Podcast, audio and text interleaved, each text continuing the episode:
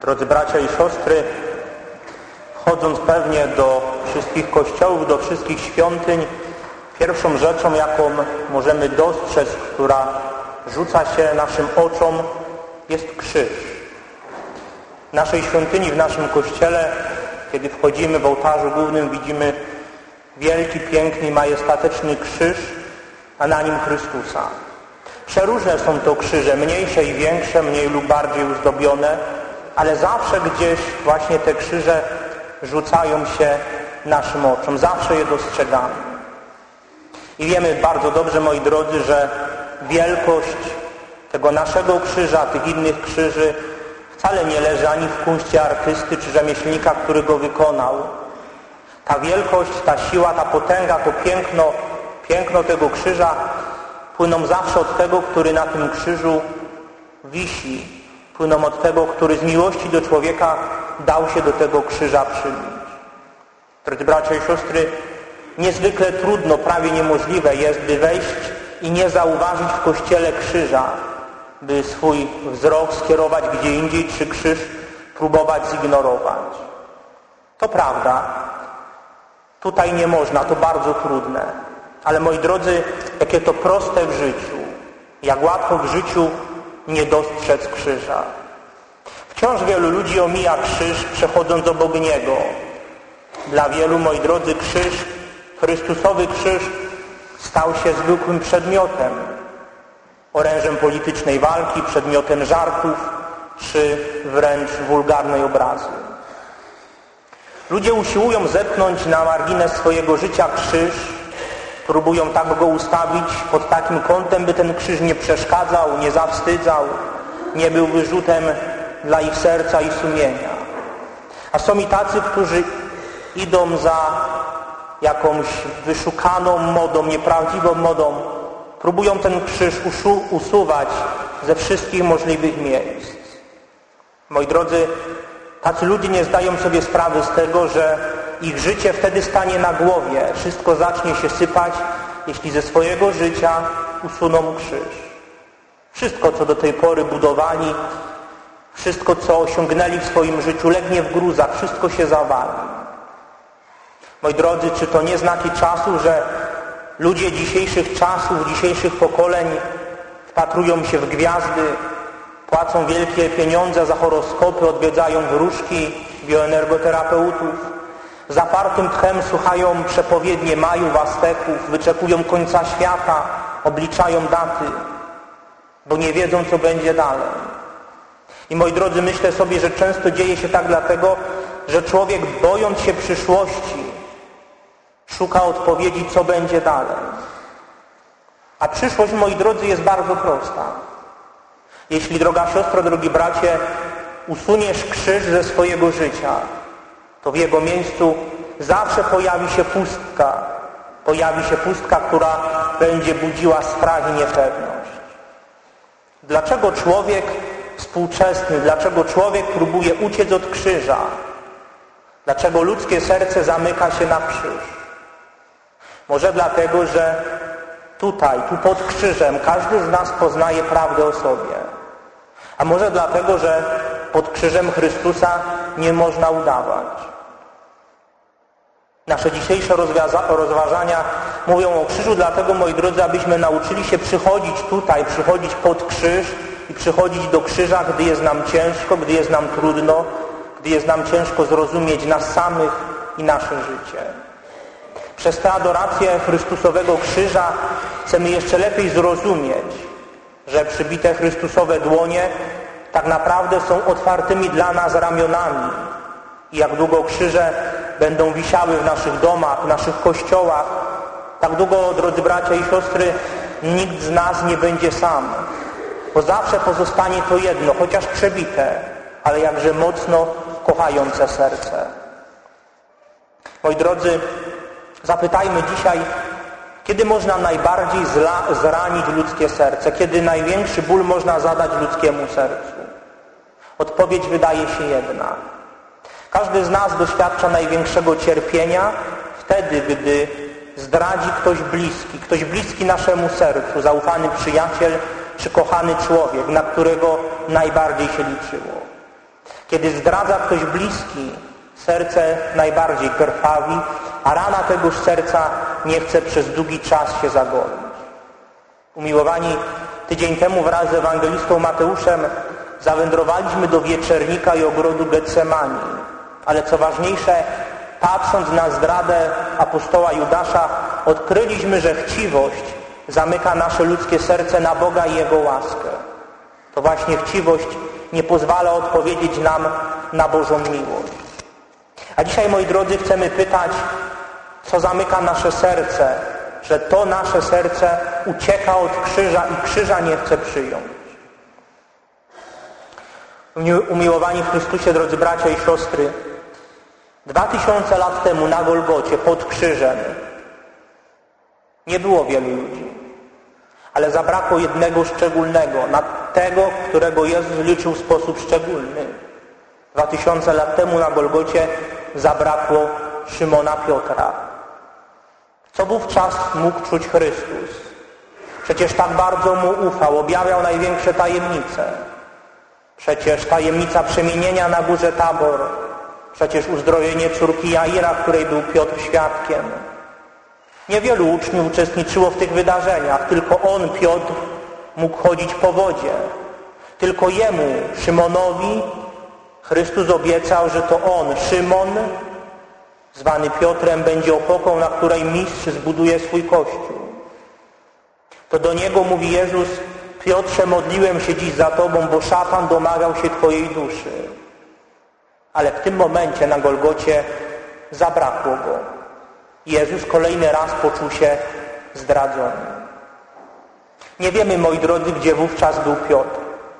Może wrócił do wieczernika, a może jeszcze raz wrócił do ogrodu Getsemani, może właśnie rzucił się na kolana, płakał i żarliwie się modlił. Może chciał odpokutować za te godziny, których Jezus tak bardzo potrzebował ludzkiego wsparcia i modlitwy, a On z innymi wybrał sen. Wybrał odpoczynek, tłumacząc się ludzkim zmęczeniem. Gdzie był wówczas Piotr? I każdy z nas może, moi drodzy, słusznie zapytać, Piotrze, dlaczego nie było Cię, gdy Chrystus umierał? Dlaczego Go opuściłeś?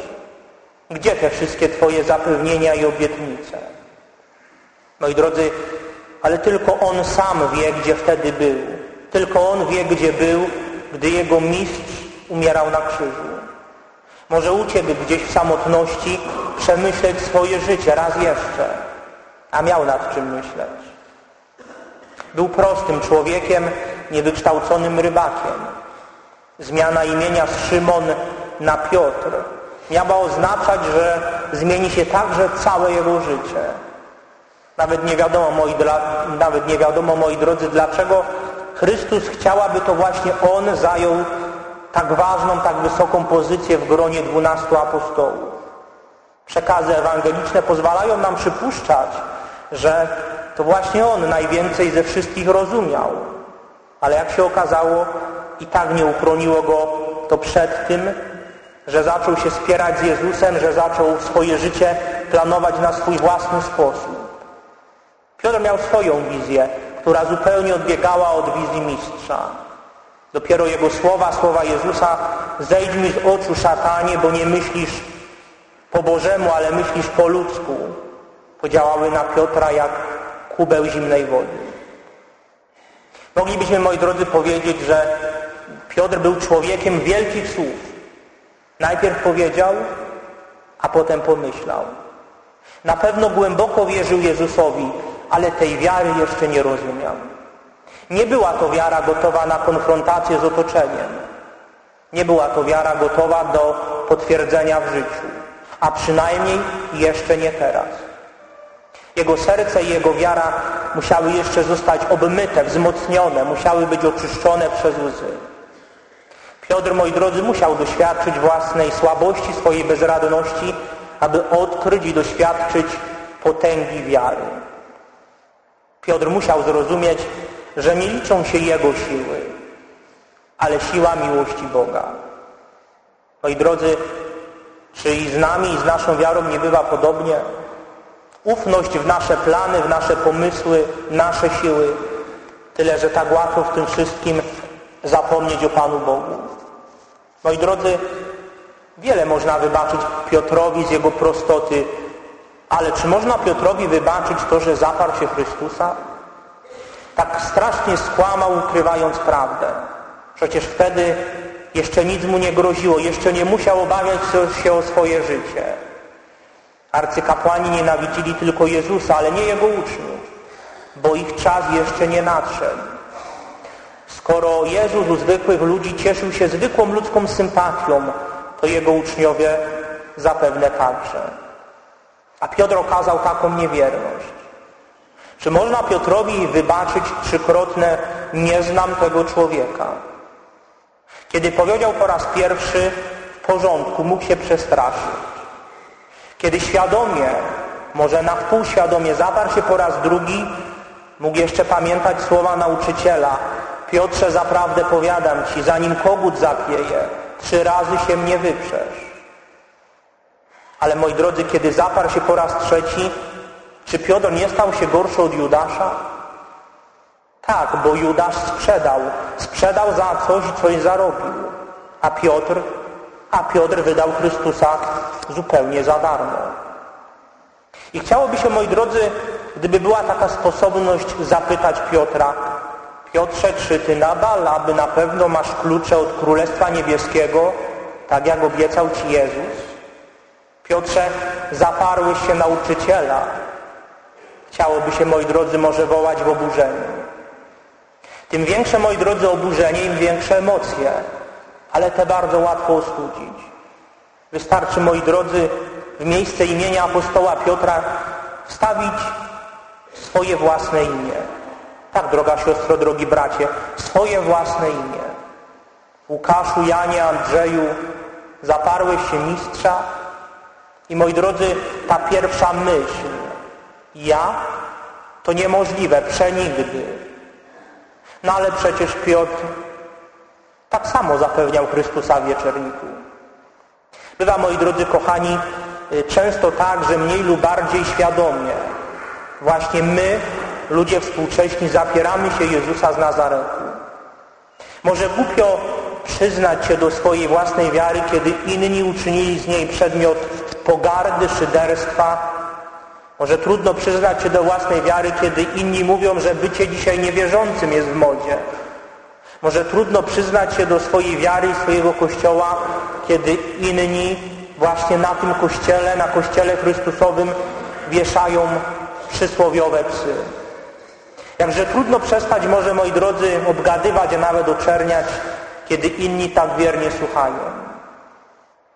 I moi drodzy, już nieco spokojniej, może bez emocji chciałoby się znów zapytać apostoła Piotra. Piotrze, na pewno masz klucze do Królestwa Niebieskiego? Tak, moi drodzy, ma klucze do Królestwa Niebieskiego apostoł Piotr. Bo tam na dziedzińcu arcykapłana Piotr wcale nie skłamał. Wiele można Piotrowi zarzucić, ale na pewno nie kłamstwo. Piotr powiedział, moi drodzy, prawdę. Nie znam tego człowieka. Piotr był blisko Jezusa, ale jeszcze go nie poznał.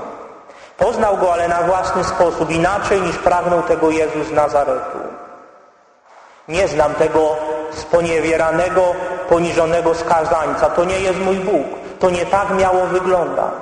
Nie takie miało być zakończenie. Nie takiego Mesjasza oczekiwaliśmy. Piotrowi było dobrze z Chrystusem, gdy ten objawiał swoją moc, swoją chwałę, czynił cuda. Na górze przemienienia mówi jasno, Panie, mówi Piotr, dobrze, że tu jesteśmy. Moi drodzy, dobrze jest być uczniem Chrystusa, gdy wszystko jest w porządku. Łatwo jest być uczniem Chrystusa, gdy On jest blisko i w każdej chwili może pomóc.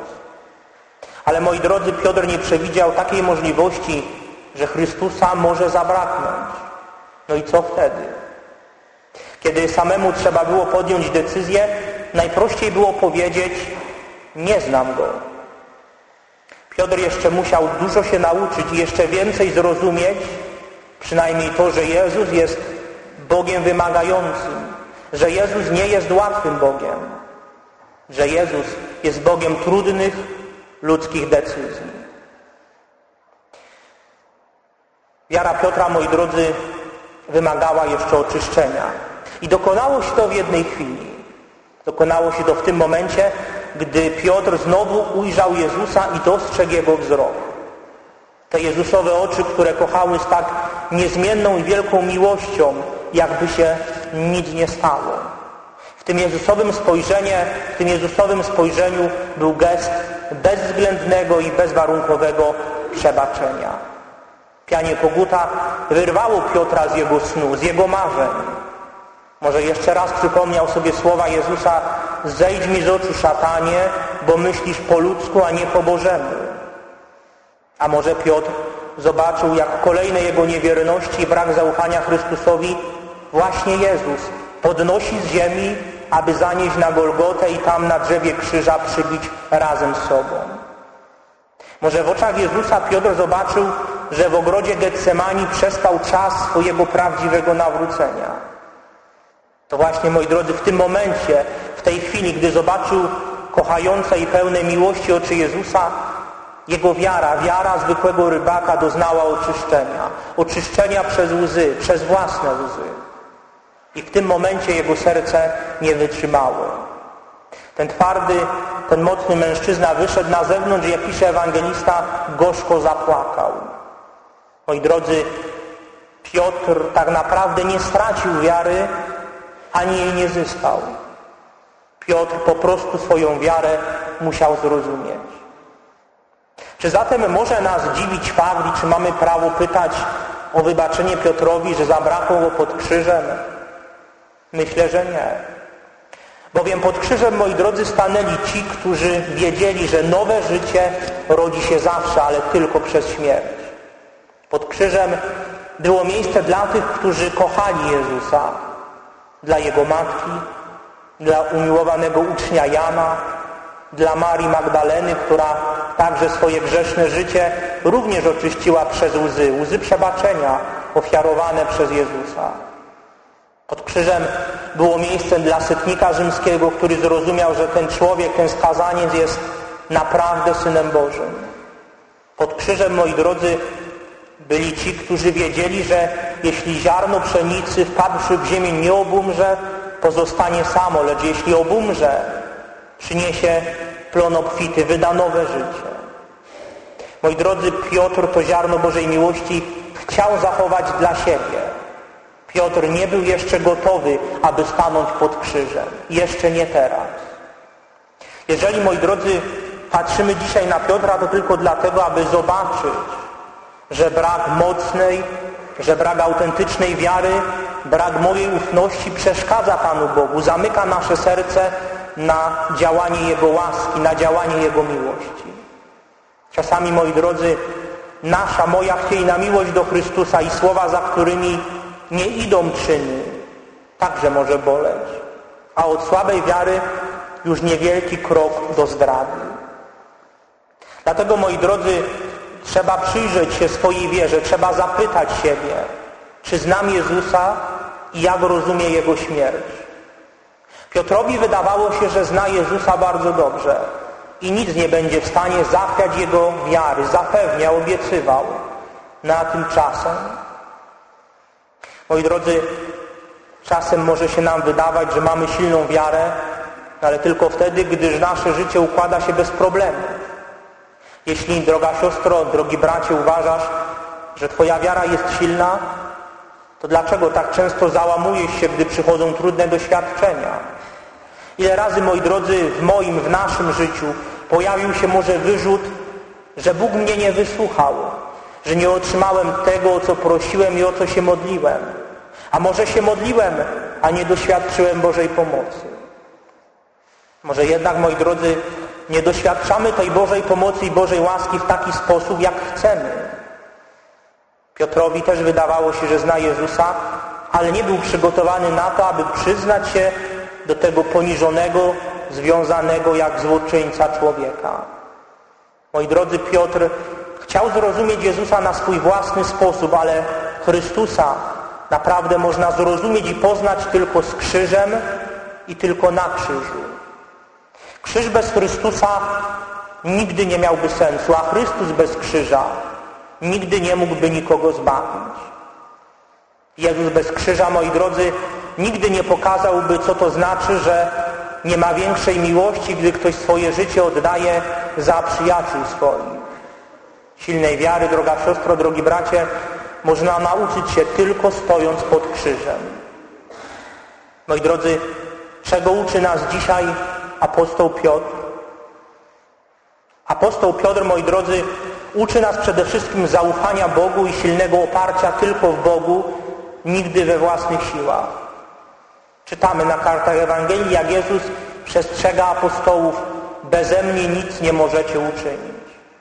Jeśli, moi drodzy, Piotr był tak blisko Jezusa, usłyszał od Niego, zejdź mi z oczu, szatanie. To czy przypadkiem my także czasami nie powinniśmy usłyszeć tych słów? Czy, moi drodzy, nie wtedy, kiedy chcemy, aby Pan Bóg spełniał nasze życzenia? Czy nie wtedy, kiedy próbujemy z Panem Bogiem trochę handlować? Panie Boże, jedna msza za to czy za tamto, pięć czy dziesięć litanii za to czy za tamto. Moja tu niedzielna obecność od tej spowiedzi, ale w zamian to i tamto. Droga siostro, drogi bracie, tylko gdy staniesz pod krzyżem, tylko przy krzyżu Zbawiciela, tylko wtedy, gdy uświadomisz sobie, że Chrystus umiera za Twoje grzechy, tylko wtedy, gdy doświadczysz Jego wzroku pełnego miłości i przebaczenia, wzroku pełnego pokoju i miłosierdzia, tylko wtedy, droga siostro i drogi bracie, swoją wiarę obmyjesz i oczyścisz łzami. Tylko wtedy będziesz mógł ze spokojem powiedzieć bądź wola Twoja. Będziesz mógł ze spokojem powiedzieć bądź wola Twoja, bo przecież tak samo Chrystus powiedział do swojego Ojca umierając na krzyżu. Niech nigdy naszym sercom nie braknie tej wiary, że razem z Jezusem ukrzyżowanym, razem z Jezusem, który dźwiga krzyż, zwycięski, zwycięski oręż swojego zmartwychwstania, tylko z Chrystusem i tylko w Chrystusie jest cała nasza nadzieja i nasza siła. Amen.